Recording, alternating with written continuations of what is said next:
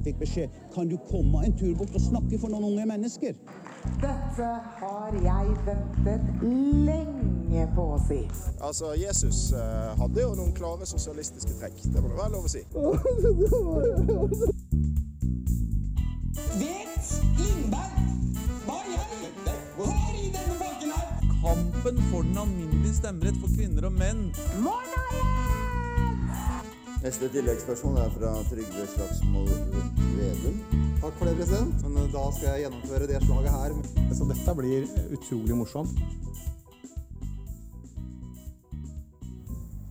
Velkommen til Bakrommet, eh, studentradioen sitt innenrikspolitiske program. Mitt navn er Sofie, og med meg i studio i dag så har jeg Erlend. Og Olaf. Veldig hyggelig. I dag så skal vi ha en uh, veldig gøy episode. Vi skal snakke om eh, EU, og så skal vi snakke om Eh, vi skal jo snakke om altså, hva, hva er egentlig EU, og så forholdet til eh, eh, Eller forholdet mellom Norge og EU. Og sen så skal vi gå litt inn på EUS og det er litt som Erlend sa og bare skillnaden på EUS og EU og så skal vi gå videre og snakke om den situasjonen som råder i verden med flyktninger fra Ukraina og litt sanksjoner og, mm. og det. Ja, jeg tror det kan bli en uh, veldig bra episode. Vi skal ta en kort pause, og når vi er tilbake igjen, så skal vi snakke litt om hva EU faktisk er. Hei, jeg heter Harald Viktor Hove, og du lytter til Bakrommet på Studentradioen i Bergen. Vi er tilbake igjen, og vi skal rett og slett begynne med EU og hva det innebærer. Eh, Olof, du er jo en eh, stolt eh, svenske, eh, og Sverige de er jo med i EU. Har du lyst til å ta oss litt gjennom hva EU er og hva de driver på med? Ja men absolut, som den enda av oss tre som er en EU-medborgere, så kan eh, ansvaret lande på meg. Nei, men EU eller Europeiska unionen er jo da ett, eh, egentligen en samarbetsunion mellan eh, 27 stycken medlemsländer i Europa. Egentligen majoriteten av länderna i Europa. Det är ju några som inte är med. Storbritannien lämnade ju med buller och bång.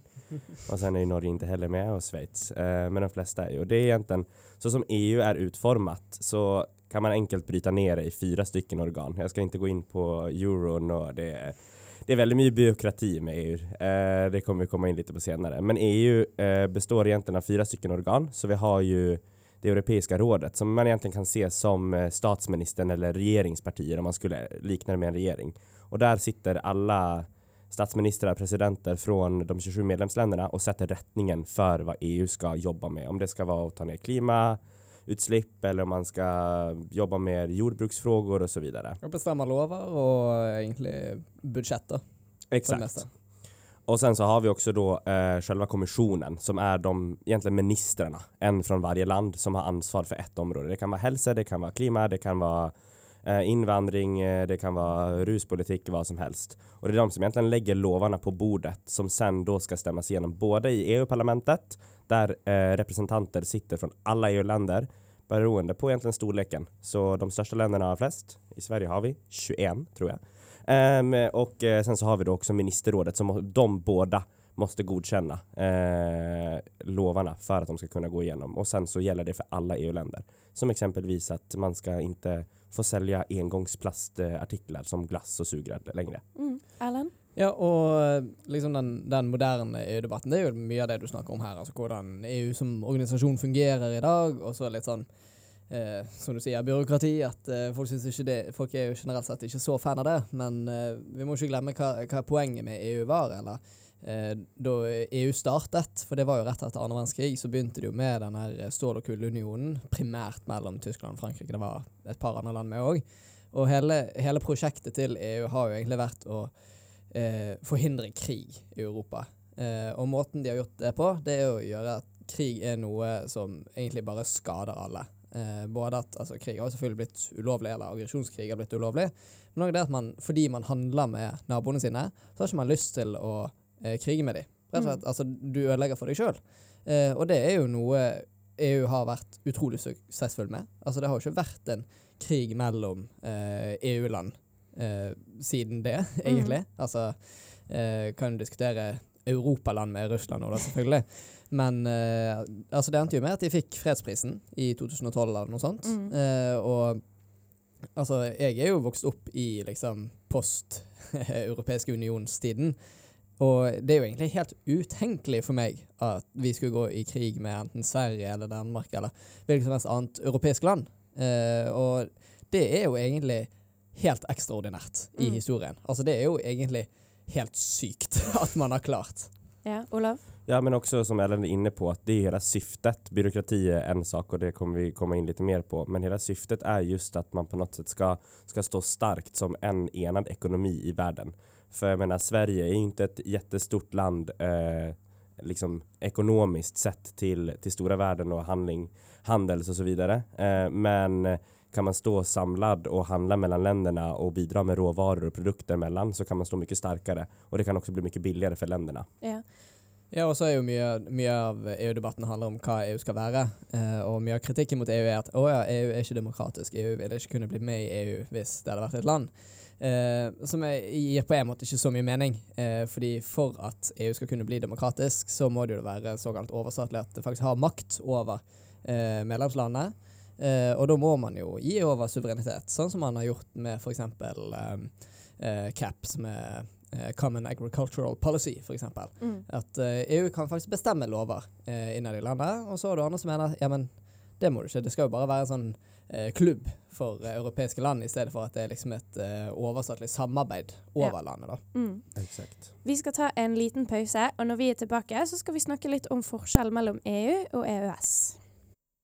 Mitt navn er Roger Wallomar, og du lytter på Bakrommet på Studentradioen i Bergen. Nå har vi eh, nettopp snakket litt om eh, hva EU er, hva det innebærer. Eh, men vi i Norge vi har jo også en avtale og samarbeider ganske tett med EU, Erlend. Har du lyst til å gå litt inn på det?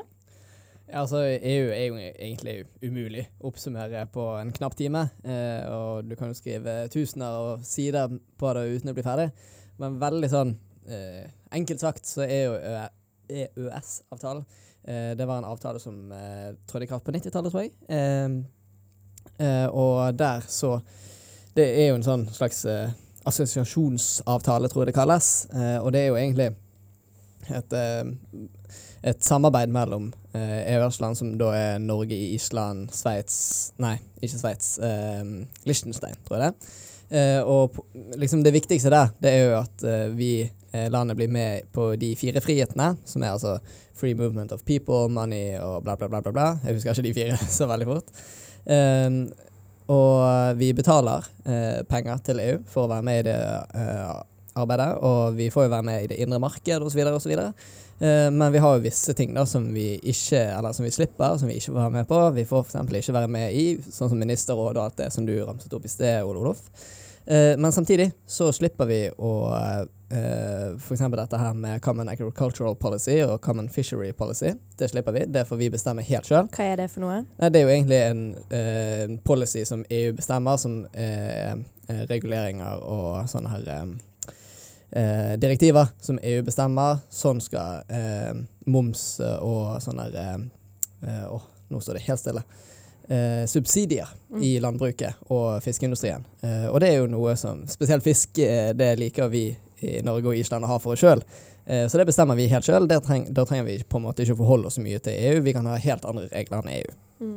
Så vi har på en måte eh, mer frihet, men også mindre vi skulle ha sagt. Vi har ingenting vi skulle ha sagt. Nei, sant. Men som du sier, altså, eh, vi slipper enkelte av de overstatlige tingene med at vi, vi bestemmer mer sjøl. EU kan ikke bestemme så mye over oss. Samtidig så får ikke vi være med å bestemme de lovene. Selv om vi velger å inkorporere veldig mange av de lovene som EU bestemmer. Exakt, alltså det som enkelt sagt är liksom skillnaden blir ju att man på något sätt inte behöver följa vissa lovar. Sen är det många lovar som är genomarbetade, ta GDPR för exempelvis. Det var ju EU som skapade den loven som också Norge har liksom adapt. Eh, Ja, og Norge er jo Jeg tror Norge er det eneste landet i EU eller i Europa som har eh, ratifisert 100% av alle direktiver fra EU. Ingen andre EU-land har gjort det. Frankrike de er på sånn 78% Norge er de eneste som har 100% Så på en måte så Vi burde ikke klage så mye på eh, hvor overstatlig EU er, fordi vi kunne ha valgt å la være å inkorporere veldig mange av lovene. Exakt, Norge tjener jo veldig, veldig mye på å være med i EUS og eh, ikke EU skulle jeg si, framfor alt som du er inne på med fiskeri og landbruk for at man behøver ikke alltså man behöver inte följa vissa lagar som stiftas i Bryssel och Strasbourg. Men man kan ändå liksom reap the benefit of the doubt och liksom ta alla fördelar. Ta exempelvis Schengen med att, att eh, norska statsborgare kan resa fritt i hela Europa egentligen utan att behöva visa pass. Mm. Eh, Eh, Erasmus-programmene gjør det kjempelett å studere i utlandet. mm. Ja. Eh, men Olof, du som er mm, ganske sånn EU-tilhenger. Eh, hva er på en måte forskjellen på EØS og EU? Altså hvorfor vil du, foretrekker du at Sverige er med i EU framfor å ha en sånn EØS-avtale, da? Alltså det jag skulle säga är det, det bästa och det viktigaste är att man på något sätt får större muskler. Eh, att eh, ska Sverige göra en, exempelvis en forskel i, i klima så kan inte vi göra så himla mycket själv.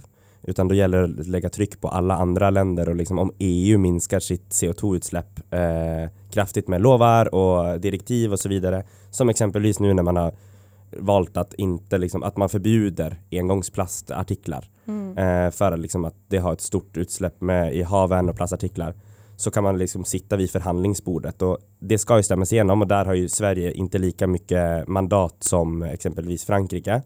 Men att liksom man på något sätt ändå får en möjlighet att göra större skillnad Mm. än vad varje land hade kunnat göra var och en för sig. Ja, så på en måte Sverige har mer de skulle sagt enn Norge, da. Exakt. Ja. Alltså vi, vi finns det och även liksom eh, på något sätt sitta vid förhandlingsbordet och, och också ta del av våra inhemska liksom det vi tycker är viktigt. Alltså där med jordbruket har ju och, och skogsnäringen har ju varit väldigt, nu ska jag inte gå in på svensk inrikespolitik. det, det kanske jag får starta en annan podd om. En annan. Nej, men, men, men liksom att det här med att man också får saker att säga till om eh, och kan göra större skillnad. Jag skulle säga enkelt förklarat så handlar det om att man sitter vid förhandlingsbordet och gör större skillnad och sätter en rättning. Problemet, som vi var inne på tidligere, og vi kommer snakke mer om, er jo just byråkrati og liksom de lange prosessene. Ja, og det er akkurat det vi skal snakke mer om etter pausen. Da skal vi se litt på positivt versus negativt. Mitt navn er Sveinung Rotevatn. Du lytter nå på Bakrommet på Studentradioen i Bergen. Nå har vi eh, snakket litt om eh, Norge sin avtale med EU og EØS-avtalen. Eh, men det kunne jo eventuelt blitt relevant for oss eh, å ta del i EU og prøve å bli medlem eh, i EU. Eh, og Erlend, jeg lurer litt på hva som på en måte kan være de positive og de negative sidene eh, ved EU-medlemskap. da. Ja, eh, de positive Altså hvis vi begynner med de positive, da. Eh, eller Det er jo at Norge er jo egentlig veldig integrert i den europeiske økonomien, og det er stort sett EU vi handler med. Så rent sånn økonomisk så hadde det jo ikke endret seg veldig mye. Eh, det som hadde blitt endret, er jo dette med eh, landbruk og fiske. Det er jo liksom de store tingene, og noe sånn tollunion-greier. Eh, det tror jeg vi hadde litt unntak for. Eh, Så sånn sett hadde det ikke endret så mye. Eh, Men vi hadde jo blitt veldig mye mer integrert i EU eh, hvis vi hadde blitt med. Altså for eksempel dette med europeisk TV-kanal. Den har jo ikke vi i Norge. Eh, For det har EU forpliktet seg til at alle EU-land skal ha en egen TV-kanal som forteller nyheter fra hele Europa eh, og fra EU.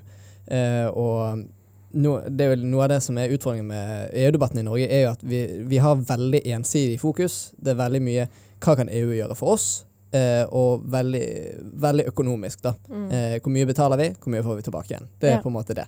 Men EU er så utrolig mye mer, eh, og det er jo egentlig bare eh, Hvis vi tar dette her med byråkrati, da. Altså byråkratiet i EU er svært, eh, men samtidig, det overtar jo veldig mye av byråkratiet i medlemslandene. Jeg har bare lyst til å si litt kort hva byråkratiet er for noe. sånn at Eh, folk kan få hva et byråkrati? er? Ja. Altså det er vel eh, altså statsapparat. Altså det er jo ikke- ikke valgte folk, da, men det er jo folk som gjør arbeidet som staten gjør, da. Mm. Eh, papirflyttere, holdt jeg på å si. Nei da.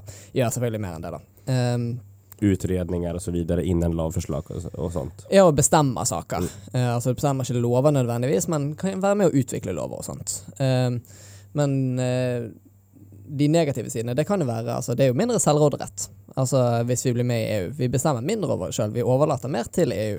Uh, og, men så er jo spørsmålet er det en negativ ting, egentlig. Det, er jo, det er jo mye av det som er spørsmålet. Ja, og jeg tenker jo litt på sånn med eh, England eller Storbritannia også, da. En stor grunn em, I og med at jeg har familie der, så har jeg fått litt sånn eh, info fra befolkningen der, da. Eh, og en stor grunn til at de eh, ikke ønsket å være et medlem av EU lenger, var jo fordi at eh, innvandrere eh, og at de selv ville ha råderett over hvor mange de skulle ta imot, f.eks. Det gøye med Storbritannia er at det hadde de allerede kontroll på. Ja. Det var ikke et EU-problem. Nei, sant.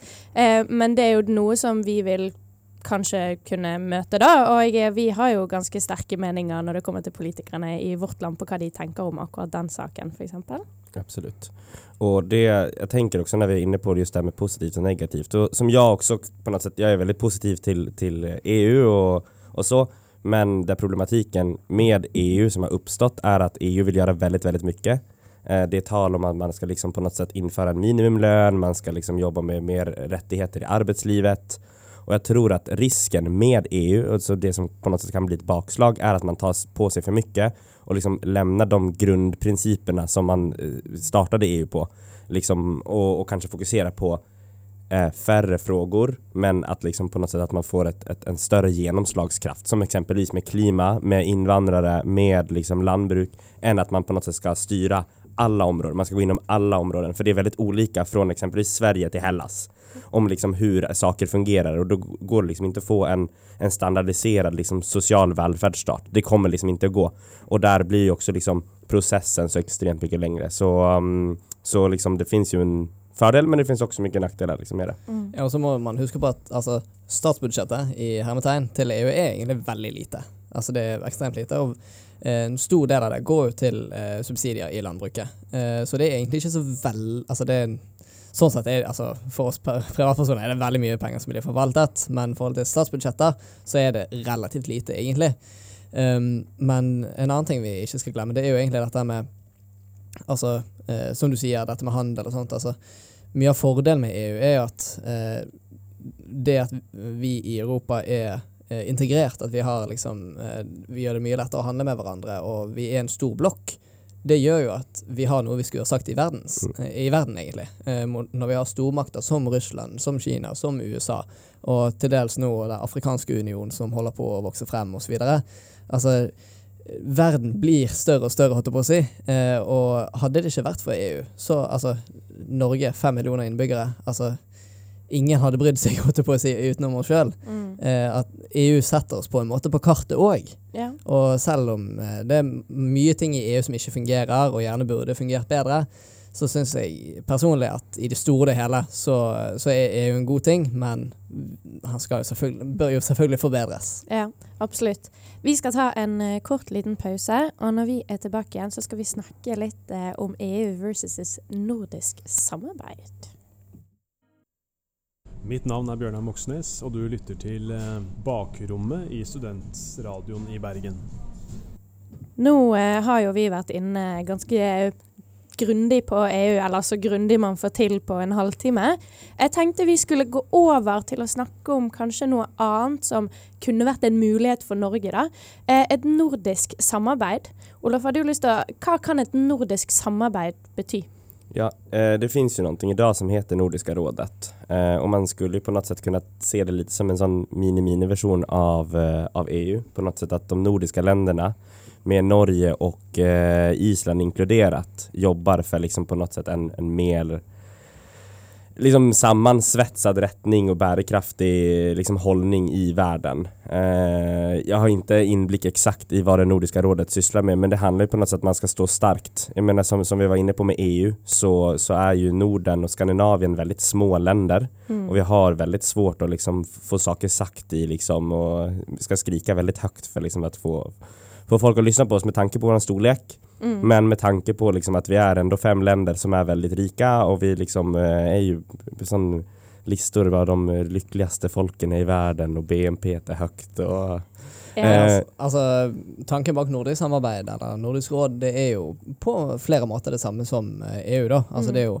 eh, regional integrasjon, altså at man eh, blir enige om ting, at man gjør ting på samme måte, som gjør at det å forholde seg til hverandre blir eh, enklere eh, og mer effektivt. Eh, og ifølge Nordisk råd eh, så liksom de store politikkområdene deres, det er jo arbeidsliv, eh, digitalisering og innovasjon, eh, funksjonshindringer og miljø og klima, bærekraftig utvikling, barn og ungdom eh, og energi. Det er liksom de store områdene, eh, og det er jo eh, altså, mange av idealene er jo litt de samme som EU. Altså eh, dette med at eh, eh, fremtiden skal bli bedre, holdt jeg på å si, og at man skal samarbeide bedre, og at man skal gjøre krig og sånt uh, uh, usannsynlig og noe man ikke ønsker. da. Um, og så er det jo noen politikere i Norge i hvert fall, de har jo heller lyst til å samarbeide med eh, eller gjøre et tettere samarbeid med Norden fremfor Europa, som er litt sånn europaskeptisk. Eh, og det har jo vært liksom tanker om et slags sånn felles nordisk eh, militærsamarbeid òg. Eh, som egentlig sånn som det er i EU òg. Eh, og hvis, hvis Norge blir med i begge de to, så er vi jo med i tre militære samarbeid med Nato, EU og eh, nordisk. Skal vi være ganske safe da, med andre ord? Da får Putin passe seg. ja, altså det, det er jo mye de samme landene, da. Ja. Foruten Sverige og Finland, liksom. Som Mm. ikke er med i Nato. Ja. Men eh, ja, Olof, hva tenker du? Tenker du at eh, et nordisk samarbeid kan på en måte måle seg med EU-samarbeid? Det skulle hon inte säga, eh, men jag tror att det är en eh, rätt väg att gå. Som Erland är inne på så går de lite... Deras fokusområden är liksom inte så stora som exempelvis liksom när det kommer till liksom handeln och så vidare. Det är ju en del av det också, men mer sån eh, sociala förhåll. Eh, och där är det mycket enklare att få tätare samarbete för att de nordiska länderna är mycket, mycket liksom, närmare besläktade. Alltså Ja. det, det är ju väldigt mycket som är likt mellan de skandinaviska och de nordiska länderna. Och jag vet, där vet jag också att Jonas Garstöre sa att liksom, och det har ju på något sätt med det nordiska samarbetet har ju satt lite på paus under pandemin. Alltså den svenska norska gränsen har aldri aldrig varit så här stängd. Liksom. Det har ju varit liksom, eh, liksom helt sjukt å tenke på. At liksom, som jag som svensk ska liksom, kan knappt komme inn i Norge. Ja. Eh, og der tror jeg det er veldig viktig och jag vet både fra norskt og svenskt håll och andra nordiska länder at man på något sätt nu efter corona vil styrke det nordiske samarbeidet for man ser hvor viktig det står i Mm. världen. Ja. Eh, og um, nu ska jag inte gå inn for mye på det men alltså en, en sånn fråga som har lyfts mye i Sverige eh, som også går inn på Norge er liksom et nordisk samarbeid med hälsoväsen vid grensen, mye oppe i fjällen. Vad är närmaste sykehus? Vad, hur kommer det med ambulanser, ambulanshelikoptrar? Jag menar om noen skadar sig mm, på den svenske grensen men nærmeste eh, sykehus er i Norge Ja. så skal man ju såklart flygas dit og liksom få ett tätare samarbete på så sätt. Ja. För att vi lever i et ganske utsatt, liksom, landskapet ser veldig eh, väldigt eh, annorlunda ut. Men eh, jeg syns vi skal også huske at eh, altså nordisk, et nordisk samarbeid og EU det er jo ikke nødvendigvis eh, motsetninger. Eh, det kan jo gå hånd i hånd. Eh, og noe som har blitt snakket litt om, ikke så veldig mye i Norge, da, men det har blitt snakket om, eh, det er jo at eh, de nordiske landene kan bli eh, mer en slags blokk innad i EU, hvis f.eks. Norge hadde blitt med. Altså, nå eh, er jo Grønland og sånt med via Danmark, men at eh, det at de nordiske landene er ganske enige om ting, kan jo gjøre at det blir litt lettere å forhandle frem ting i EU, rett og slett. Og selv om man i EU sitter med pro partifamiliene sine i stedet for eh, med eh, landene sine, eh, så kan jo det allikevel hjelpe med f.eks. at sosialdemokratene i Norden samarbeider, eller de, de konservative osv. Mm. Absolutt. Veldig mange interessante poenger her. Vi skal ta en kort liten pause, og så skal vi gå over på å snakke litt mer om flyktninger fra Ukraina. Hva er det mest sexy innenrikspolitiske området som finnes? Er det justispolitikk? Er det samferdselspolitikk? Eller er det Innvandringspolitikk. Jeg kommer aldri til å bli lei eh, av Erlends reaksjon på den eh, lille jingle eller vignetten vi har, eh, har rett før vi begynte å snakke igjen. Men vi skal litt mer over på Ukraina-situasjonen. Vi må nesten snakke litt om det. Og nå har jo regjeringen bestemt at, eller Stortinget har bestemt at vi skal ta imot 2500 eh, ukrainske flyktninger midlertidig. Hva tenker du om det, Olof? Nej, det är ju som du säger, det är väldigt svårt att prata om omvärlden och vad som sker idag utan att nämna Ukraina-krisen. Och, och det kommer väldigt mycket flyktingar och när det kommer till talet så Alltså jag tycker väl att man, man har mer kapacitet eh, med tanke på att Norge är ett rikt land och på något sätt så här, Ukraina är väldigt, eh, väldigt nära och ja, vi, det finns många kontroverser med flyktingar och att man tar fler från Ukraina och så vidare. Vi ska inte gå in på allt sånt. Men eh, jag tänker att det är bra att man tar emot flyktingar. Men i, i grund och botten så tänker jag att det handlar om ett, ett större problem att man inte är rustad att ta emot fler. Man, Mm. Att man inte har byggt upp liksom en, en apparat som kan hantera större mängder flyktingar. För 2 500 för att vara ärlig, är alldeles för lite. Det, det är liksom eh, vad säger man, omkring två miljoner på flykt redan nu. Och jag menar, vi har inte, inte ens gått en månad med kriget liksom. Mm. Erlend? Nei, altså, dette her med flyktninger og sånt, det er jo en forferdelig vanskelig sak uansett. Og altså selv om det nå er en, si, en flyktningkrise med Ukraina, så må vi ikke glemme at det er sinnssykt mange flyktninger i verden fra før av. Mm. Altså det er sinnssykt mange som er på flukt, som eh, rett og slett ikke har et hjem. Både eh, interne flyktninger, altså de, de har ikke kommet seg ut av landet sitt, men òg mellom land. Eh, og det som er vanskelig oppi dette, er at det er jo ingen enkel løsning på dette. Uh, fordi på en måte så kan vi Altså vi kan jo ikke forplikte Norge som er relativt lite, selv om det er et rikt land, kan jo ikke forplikte seg til å ta imot liksom eh, fem millioner flyktninger. Nei. Altså det går rett og slett ikke. Um, men liksom, det som er så irriterende med dette, er at grunnen til at sånne, sånn flyktning skjer, eller at det, det blir flyktninger, det er jo som oftest krig og naturkatastrofer og klimaendringer. Og det er ting som vi Altså, det, det er så utrolig vanskelig å gjøre noe med. Eh, og spesielt dette her med altså, klimaendringer. Eh, altså Vi i Norge er jo muligens de som kommer til å merke det sist. Vi kommer nok til å merke det. Samtidig så er vi jo et av de landene som bidrar mest. Det er vi òg. Mm. Eh, som de aller fleste vestlige land. Eh, og altså, vi kan jo stille spørsmål med altså, den levestandarden vi har i Norge. Altså, burde vi ha den levestandarden i det hele tatt, med tanke på eh, hvor mange som lever eh, under fattigdomsgrensen, eller er internt eh, fordrevne og alt, alt sånn. Altså, det, jeg merker når jeg snakker at det, det er så utrolig komplekst, og det er, det er ikke noe sånn åpenbart rett svar. Ja, nei, jeg er helt enig med det du sier. Eh, men jeg vil litt innpå, eh, for i England nå så går det jo rundt en sånn greie at man kan signe seg opp til å eh, huse eh, ukrainske flyktninger. Eh, og selv om det ikke på en måte er satt i gang i Norge, så har eh, Jonas Gahr Støre sagt at det kan bli relevant for oss. Eh, og for eksempel så fikk jeg en melding eh, av min huseier der han spurte om eh, mitt kollektiv på åtte personer kunne vært interessert i å ta imot ca. to ukrainske flyktninger hvis det skulle bli relevant. Og da er jeg litt sånn men hvem sitt ansvar er det å huse disse flyktningene? Hvorfor skal det ligge på meg som student eh, som har dårlig råd og liksom bor kjempetrangt fra før av? Ja, og eh, det er jo liksom, så- det handler om sivilkurasje å ställa opp liksom for folk som har det sämre stelt, og det er fruktansvärt det som sker men helt enig som du sier, at det er på något sätt, det är ju staten som skal se till och sørge for at det finnes en infrastruktur innom flyktingmottagene for at man skal kunne ta imot større mengder med flyktingar om katastrofer sker. Og som Erlend inne på, det, er liksom, det her er ikke de enda flyktninger i hele verden, og jeg tror at vi lätt glemmer bort det For at det på noe sett det enda som man ser i nyheter på sosiale medier er om Ukraina. Men, eh, men det liksom det, i grunn og botten så handler det om at så her, OK, men det er staten, kan ikke legge det ansvaret, syns jeg i alle fall, på enkeltindivider individer att man skal på noe sätt ta in folk utan det handler om att, att man har en, en forberedende liksom, situasjon for å ta imot større mengder. Ja, absolutt. Og så er jo spørsmålet hvorfor har ikke vi liksom gjort dette før med andre Exakt. flyktninger? Vi har hatt mer enn én flyktningkrise tidligere. Exakt. Ja. Nei, altså den, den faktiske løsningen på dette, det er jo egentlig altså få slutt på krig. Eh, altså, eh, hvis vi ser på statistikken, så har det jo aldri vært mindre krig enn det det er i dag. Så Mm. sånn sett, trenden går jo i riktig retning, selv om det åpenbart problemet ikke er løst. Eh, og samtidig så er det jo dette med at eh, stater eh, som kriger mye med hverandre, faktisk skal bli stabile, og at det faktisk skal bli et samarbeid. Eh, men òg dette her med klimaendringer. Eh, at vi må faktisk gjøre noe med det, selv om det ikke virker som at eh, noen stater gidder. Ja, det var det, da. Eh, vi skal ta en kort liten pause, eh, og når vi er tilbake igjen, så skal vi snakke litt om eh, sanksjonene Russland eh, har klart å pådra seg. Jeg heter Jonas Gahr Støre, eh, og når jeg er i Bergen, og hvis jeg kan, så lytter jeg på Bakrommet, studentradioen i Bergen.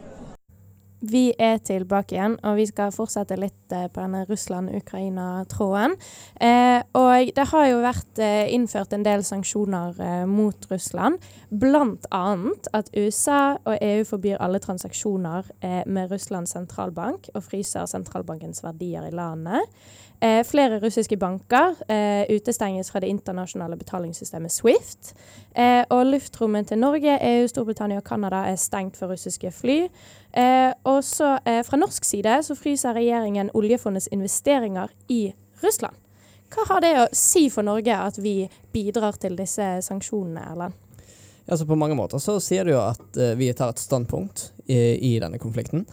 Og eh, vi har jo sendt eh, våpen og sånn her eh, beskyttelsesutstyr til Ukraina. Så på, på noen måter så betyr det jo at altså, vi, vi fordømmer det Russland har gjort.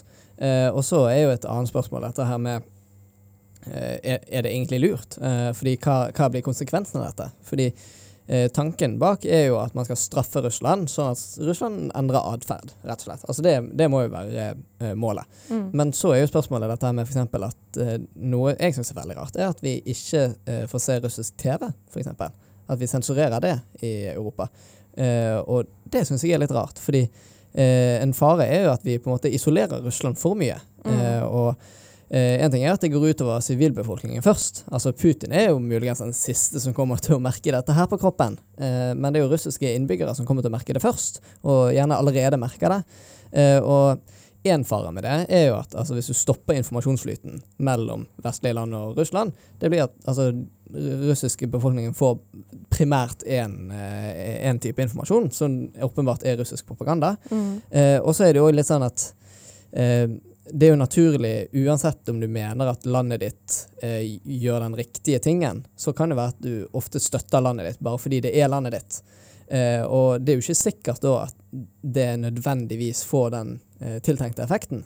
At det kanskje bare eh, underbygger dette narrativet som Putin har med at Vesten er jævlige og eh, ekspanderer i Øst-Europa, og de skal angripe oss. Mm. Og det, det er jo en fare. Ja, absolutt. Og det er jo gjerne derfor eh, Putin på en måte har eh, tatt fra de Instagram og alt mulig rart, sånn at de ikke skal få den vestlige innflytelsen da, gjerne.